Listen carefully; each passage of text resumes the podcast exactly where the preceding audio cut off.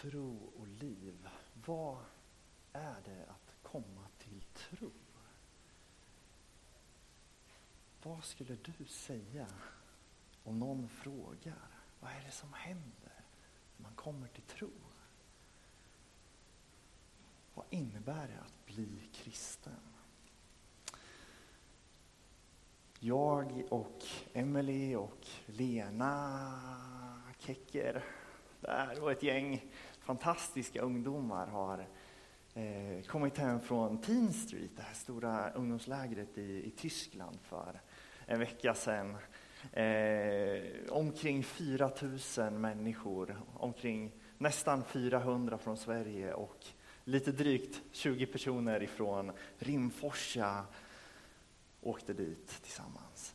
Eh, och några av de här ungdomarna som följde med har under en längre tid funnits med här i, i tonårsarbetet och närmat sig Jesus på olika sätt. Och några av dem ville nu fatta beslut att följa Jesus. Vad är det? Vad är det att vilja följa Jesus? Vad är det att bli kristen? Att vilja bli kristen? Jag vet inte om du har funderat över det någon gång. Sådär. Vad är det här egentligen?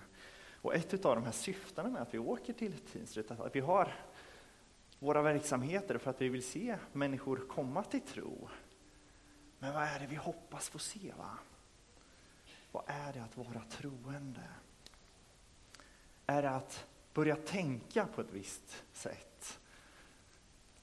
Är det där det handlar om? Att, att tro att vissa saker är sanna? Är det att vara medlem i en frikyrka? Är det det som är att vara kristen? Är det att man ibland läser Bibeln och sjunger lovsång? Är det där det handlar om? Jag gissar att de flesta av oss någon gång har sagt att vi är kristna eller troende eller något sånt. Vilket ord man nu väljer att använda, att man är religiös kanske, eller vad, vad man nu säger. Men vad, vad menar vi med det? Vad, vad har du menat då? Och jag tror att om man ska vara lite krass, så, så, i Sverige idag, i samhället idag, så tror jag att, att det är någonting som krill, klingar lite illa, va? att komma till tro. Det är väl lite som att bli lite, lite lustig, va? Sådär. Ehm, och, och, jag tror att, att, att, att, vara kristen är, är kanske, det är inte så konstigt att det är lite, det, vad, vad, är det egentligen? Va? Man kanske tänker på Donald Trump i USA, eller man kanske tänker på dåliga saker kyrkan har gjort i historien. Va? Och så kanske man, att bli kristen, och så ryggar, ryggar man tillbaka lite. Va? Och idag så handlar predikan om tro och liv. Och det finns eh, jättemycket egentligen att säga om tro och liv, för jag tänker att tro och liv är ju de kanske två viktigaste eh, temana eller begreppen så, i, i den, den kristna, kristna tron. Liksom. Och vi ska närma oss tro och liv utifrån Lukas 18 i liknelsen om farisén och tullindrivaren. Det står det så här i Lukas 18, vers 9 och framåt. Till några som litade på att de själva var rättfärdiga och som såg ner på andra riktade Jesus denna liknelse. Två män gick upp till templet för att be. Den ene var farisé, den andra tullindrivare. Farisén ställde sig och bad för sig själv. Jag tackar dig Gud för att jag inte är som andra människor, tjuvar och bedragare, horkarar eller som tullindrivaren där. Jag fastar två gånger i veckan, jag lämnar tionde av allt jag köper. Men tullindrivaren stod avsides och vågade inte ens lyfta blicken mot himlen utan slog med händerna mot bröstet och sa Gud, var nådig mot mig, syndare. Jag säger er, det var han som gick hem rättfärdig snarare än den andre. Ty den som upphöjer sig ska bli ödmjukad, men den som ödmjukar sig ska bli upphöjd. Alltså två män som går till templet för att be. En syndare i tullindrivaren och en rättfärdig man i farisén. Och farisén, han uppfyller alla möjliga regler och lagar för hur man ska bete sig. Därför kommer han inför Gud med stolthet. Tack Gud att jag är så bra och inte som den här andra killen. Och egentligen är inte det så konstigt. Att vara farisé är att leva upp till folkets förväntningar. Det var att leva rätt.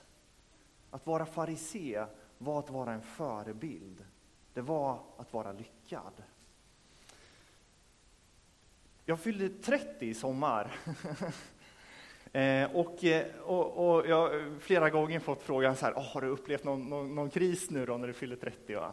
Eh, och jag, och jag har funderat på det där ganska mycket. Så där. När man, jag, jag funderar på om det inte kan vara så här att när man fyller 20 om man upplever en kris när man är 20 så kanske det är för att man inte är klar med sitt gymnasie, eh, man har inte ett, ett, ett fullständigt gymnasiebetyg. Och det förväntas man lite ha när man är 20. va? Och då känner man så här, ah, jag måste skynda mig sådär, hur ska det gå för mig? Fyller man 30 och har en kris, så kanske det snarare handlar om att man, man har ännu inte hittat en partner. Va? Och så känner man, oh, nu passerar den här 30-gränsen, hur ska det gå? Nu, nu är jag ju gammal. va? Så upplever man en 30-årskris. Eller när man är 40 så kanske det snarare handlar om så att, vänta nu, vad har jag lagt mina, mina år på hittills? Det var ju det jag ville, men jag har ju fastnat i det här. va? Det, det är ju det här jag har gjort som skulle vara tillfälligt, men jag har ju fortsatt att göra det här. Men det är egentligen det där som jag vill göra. Så kanske man upplever en, en, en, en 40-årskris. När man är farisé så upplever man ingen kris. Eller ni vet, när, när någon kommer och bekräftar en, så här, när, man är, när man är 15 år och man har gjort någonting, så säger de bara du, jag ser så mycket potential i dig. Wow, det är någon som ser mig. Så, där. Och så, så skapar det tro, så det där vill jag göra. Och sen om man, om man får höra samma sak när man är 30, så är det lite mer, så här, wow, det, det, finns potential i dig. Och så kanske man känner så här att, ah, de, där, de där grejerna jag gjort hittills, det, det var inte det jag skulle göra, så där, utan jag har ju potential att göra någonting annat. Och man får höra, det finns potential i dig, när man är 60, så är det mer så här, skärp dig va? Eller hur? va? Du har ju potential att göra någonting av ditt liv. vad, vad har du gjort med ditt liv? Och att vara farisé är inte att få höra du har potential när man är 60. Du hade ju kunnat bli någonting. Utan att vara farisé är att vara rätt, att vara lyckad.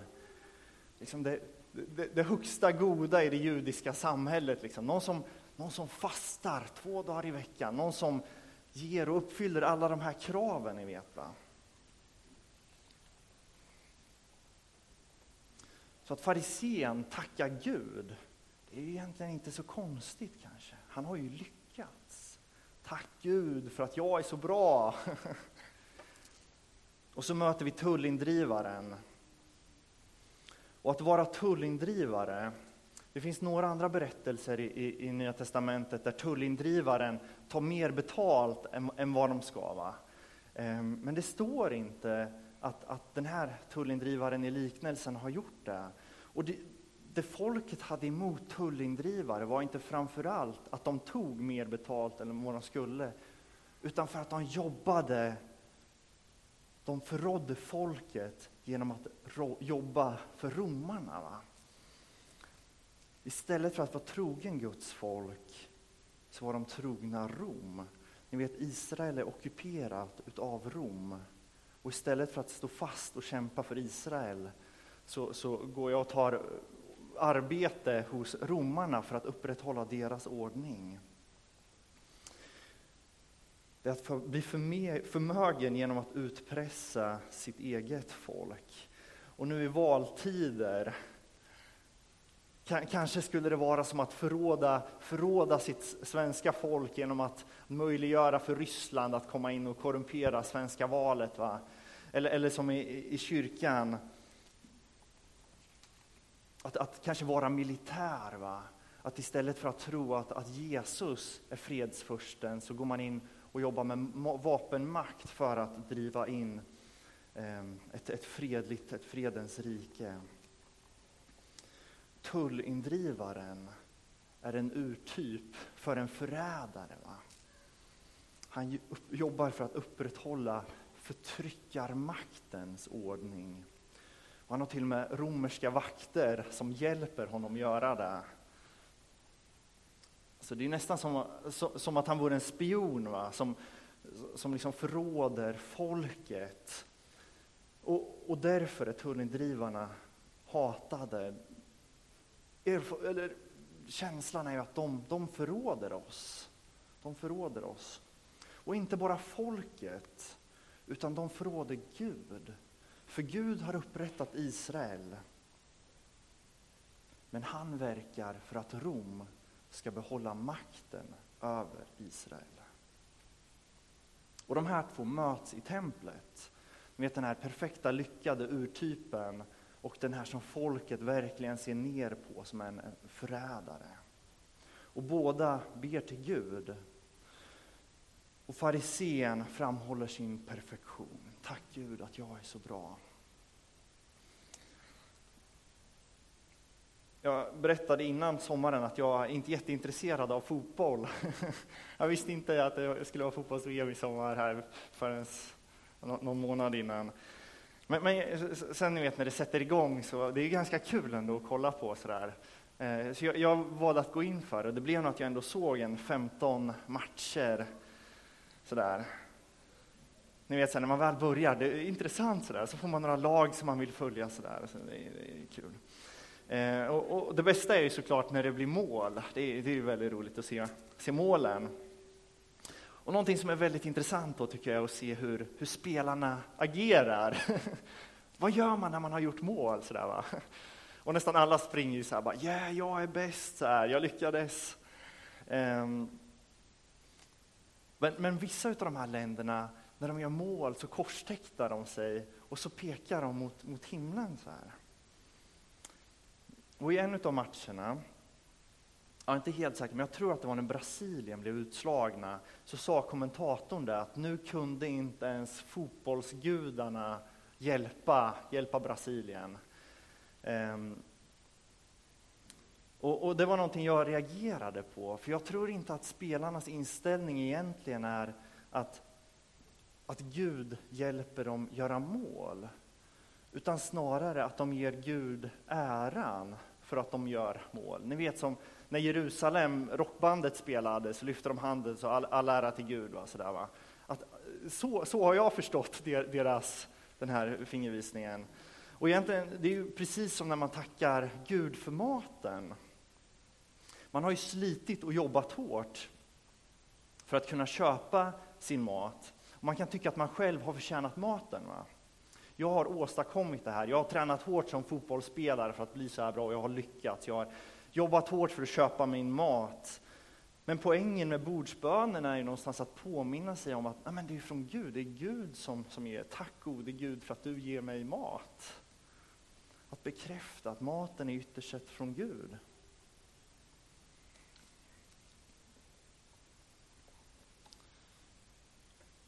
Jag tror att man kan vara lyckad och ändå tacka Gud.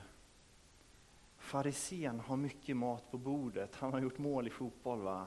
Men istället för att tillskriva äran till Gud så tillskriver han äran till sig själv. Tack Gud för att jag är så bra. Och så ser han ner på, på tullindrivaren. Tack att jag är så bra och inte dålig som den där. Medan tullindrivaren står där bredvid och vågar inte ens lyfta blicken för att han vet att han är en syndare. Han är inte någonting inför en rättfärdig Gud.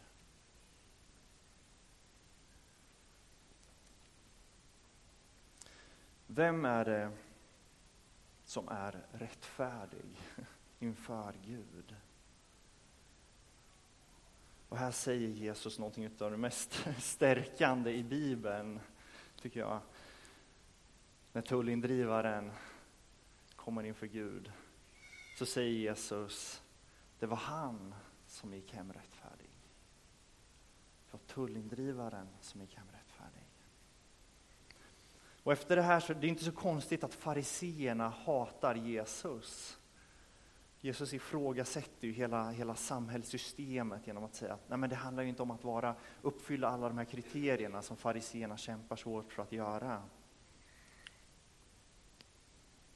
Varför är inte fariseerna det självklara valet för Jesus? Varför är det inte vi som aldrig super, inte slår våra fruar, alltid talar gott om andra, vet så här, inte kolla på film olagligt på tvn eller på internet eller vad, det nu kan vara. Varför är inte det det som, som definierar rättfärdighet? Medan den här personen som har gjort allting fel, som förråder sitt folk, som förråder Gud. Varför? Hur kan han räknas som rättfärdig? Vad är det för princip som är görningen här?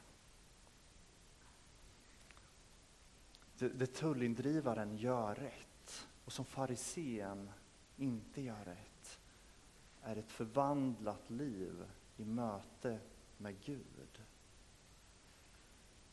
I mötet med Gud så föds ödmjukhet. Och den här liknelsen handlar inte om två personer, det är inte två faktiska personer, utan det är en liknelse som istället visar på två olika system den visar på Israels ordning, den religiösa ordningen och så som den funkar. Och så visar den på Jesu nya ordning, där Guds nåd kommer in i världen och förvandlar människor. Vad är det som är så revolutionerande med den här liknelsen? Jag tror att det är att, att kristen är ingenting man kan lära sig. Det är inte en viss kunskap, det är inte ett, vissa kriterier man uppfyller, ett visst agerande som man, man klarar av att leva efter. För det är just det farisén representerar, va? att matcha de förväntningarna. Men vi får se att det inte är det som är målet. Istället får vi se att tullindrivaren som representerar det misslyckade när tullindrivaren ångrar sig och träder inför Gud, så är det han som är rättfärdig. Vad är poängen? Jag tror att att komma till tro är någonting som förvandlar oss. Och vilken förvandling ser vi? Och vi erkänner vårt beroende till Guds verk. Vi erkänner vårt beroende till Guds verk. Och vi ser oss själva i ljuset utav Jesus. Och vi inser att jag är nog inte så bra som jag vill framstå. Jag är inte så bra, utan bara i Jesus. Och jag tror att det som utmärker oss som, som goda kristna är inte hur många gånger vi har ordnat fikat eller städat eller ni vet så här, predikat eller ens fört människor till tro. Eller att det har att göra med titlar, som att man är med så här, jag är, leder en, en hemgrupp eller jag är med i församlingsledningen. Utan det som utmärker oss som kristna är det förvandlade livet i möte med Jesus. Och här finns det självklart en koppling till hur vi lever våra liv. På andra ställen så kan vi se hur, hur farisén istället för att hjälpa de svaga och utsatta istället är hård mot dem och dömande och säger att ja, men ni lever inte upp till det här så ni får skylla er själva.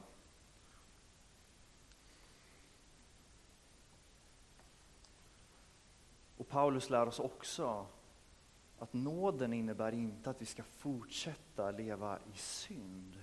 I Romarbrevet 6 så skriver han att på grund av det Jesus har gjort så ska vi inte fortsätta leva i synd för att kunna få mer av Guds nåd. Utan vi ska sluta synda och leva på ett nytt vis efter att vi har mött Jesus. Att låta mötet med Jesus forma mitt liv. Och jag tror att principen för ett sådant liv är ödmjukhet. Som Paulus skriver till församlingen i Filippi, Filipperbrevet 2.5. Låt det, låt det sinnelag som råder hos er, låt det sinnelag råda hos er som också fanns hos Kristus Jesus. Han ägde Guds gestalt, men vakade inte över sin jämlikhet med Gud, utan avstod från allt och antog en tjänares gestalt och han blev som en av oss. När han till det yttre hade blivit människa gjorde han sig ödmjuk och var lydig ända till döden, döden på ett kors. Låt det sinnelaget råda hos er, Paulus. Jesus är förebilden och det nya livet bottnar i ödmjukhet. Det är det vi ser hos tullindrivaren.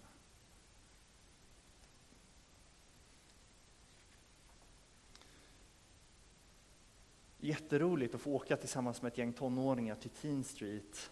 Och det är väldigt spännande att få följa dem i deras resonemang när de säger så här, men jag vill, jag vill att det här ska bli verklighet i mitt liv. Jag vill bekänna mig som kristen.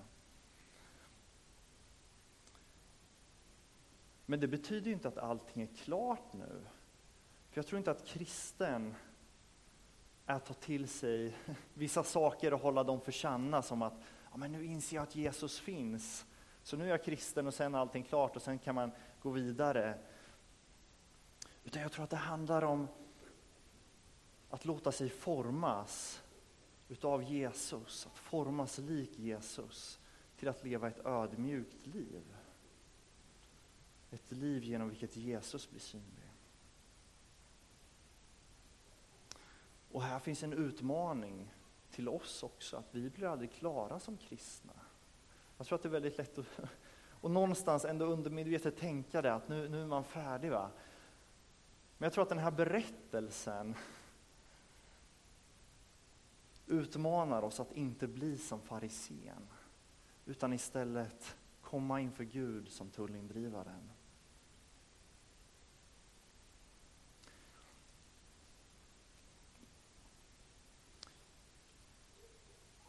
Jag tänker att det finns några konkreta utmaningar i den här texten um, som jag kommer att tänka på här, som jag gärna vill dela med er. Så Kanske finns du här som känner så här, wow, ungdomarna vill lära känna Jesus. Fantastiskt, jag tycker det är fantastiskt. Va? Kanske att Gud säger till dig att vara en del i deras fortsatta resa att finnas med några steg på vägen i deras, deras nya tro.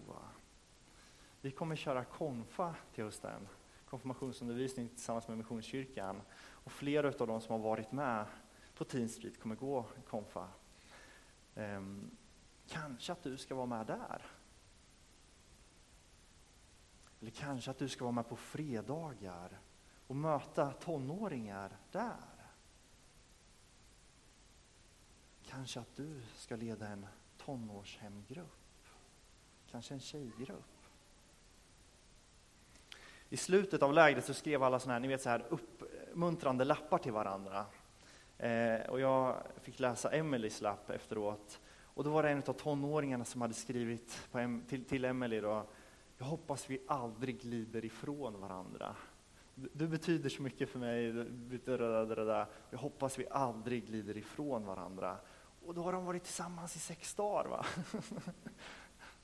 Kom igen va. Tänk att få följa de här tonåringarna i fem år tills de slutar gymnasiet och flyttar härifrån. Tänk att få höra det.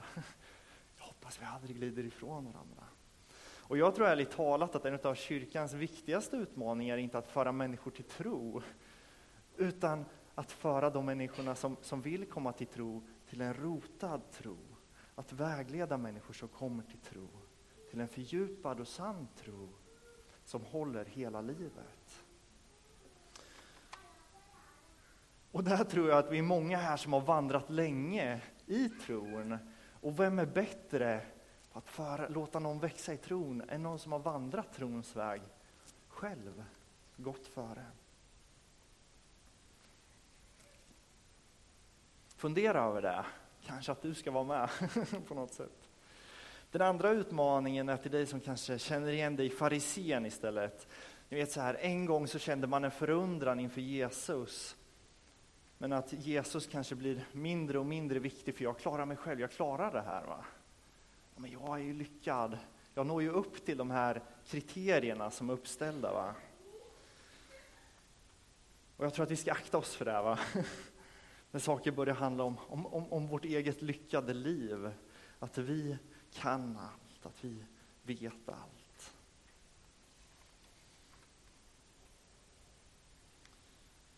Och där tror jag utmaningen är att precis som, som tullindrivaren komma inför Gud och någonstans bekänna sin ofullkomlighet i det. Gud, tack att du vill mig, att du är med mig, men, men Herre, jag behöver dig. Och som en fotbollsspelare, ni vet, lyfta, lyfta fingret till Gud istället för att själv ta åt sig äran. Eller kanske att öva sig i att tacka Gud för maten. Tack Gud för att du förser. Och för det tredje, om någon känner sig misslyckad så är Guds ord inte att farisén har gjort rätt. Det är inte farisén som blir förebilden. Utan det är tullindrivaren, den misslyckade, den som förråder folket, som går emot Guds vilja. Men som kommer med ånger och i ödmjukhet inför Jesus. Som Jesus säger, det är han som är rättfärdig. Det är han som är rättfärdig. Och kanske om du känner så att du ska slå upp en bibel, det finns några biblar längst bak eller i telefonen. Psalm 51 tycker jag är en sån fantastisk psalm. Som, som, som är när, när, när kung David, ni vet, har varit otrogen, han har, han har haft sex med Batseba och han har död, fått Batsebas man eh, dödad. Eh, och så kommer profeten Natan till, till eh, kung David och säger att du har gjort fel. Du har ju det här är ju fel. Va? Eh, och då, då, skriver David den här salmen, psalm 51. Ehm, och jag läser en, en vers här, men läs gärna hela, hela om du känner dig träffad. Så. Men det står så här, det offer du begär Gud är ett förkrossat hjärta. En krossad och nedbruten människa förkastar du inte, o Gud. Och det är våran Gud. Inte den som säger att farisén är den som, som har gjort rätt och tullindrivaren som har lyckats. Utan som säger att tullindrivaren som kommer i ödmjukhet och bekänner sina brister, bekänner sina fel för Gud, han är den som är rättfärdig. Det offer du begär, ett förkrossat hjärta, en krossad och nedbruten människa, förkastar du inte o oh Gud. Vi ber tillsammans. Tack Jesus för att du är, en, du är en god Gud, Herre. Jag tackar dig för att du är en Gud som är full av nåd, Herre. Och Jesus, jag ber att vi ska få vara ett folk som, som lever av din nåd, Herre.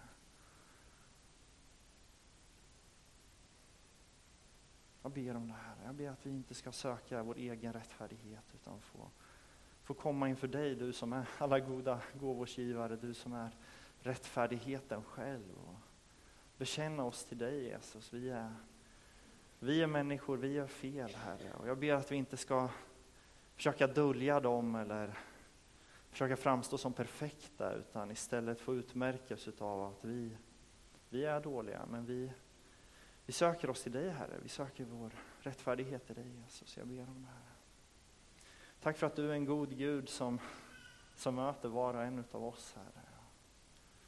Talar till oss, Jesus. Jag ber att vi allihopa får, får ta del av ditt, ditt ord till oss, Herre. Att ett förkrossat hjärta, det avvisar du inte, Herre. Tack för det, Jesus. Amen.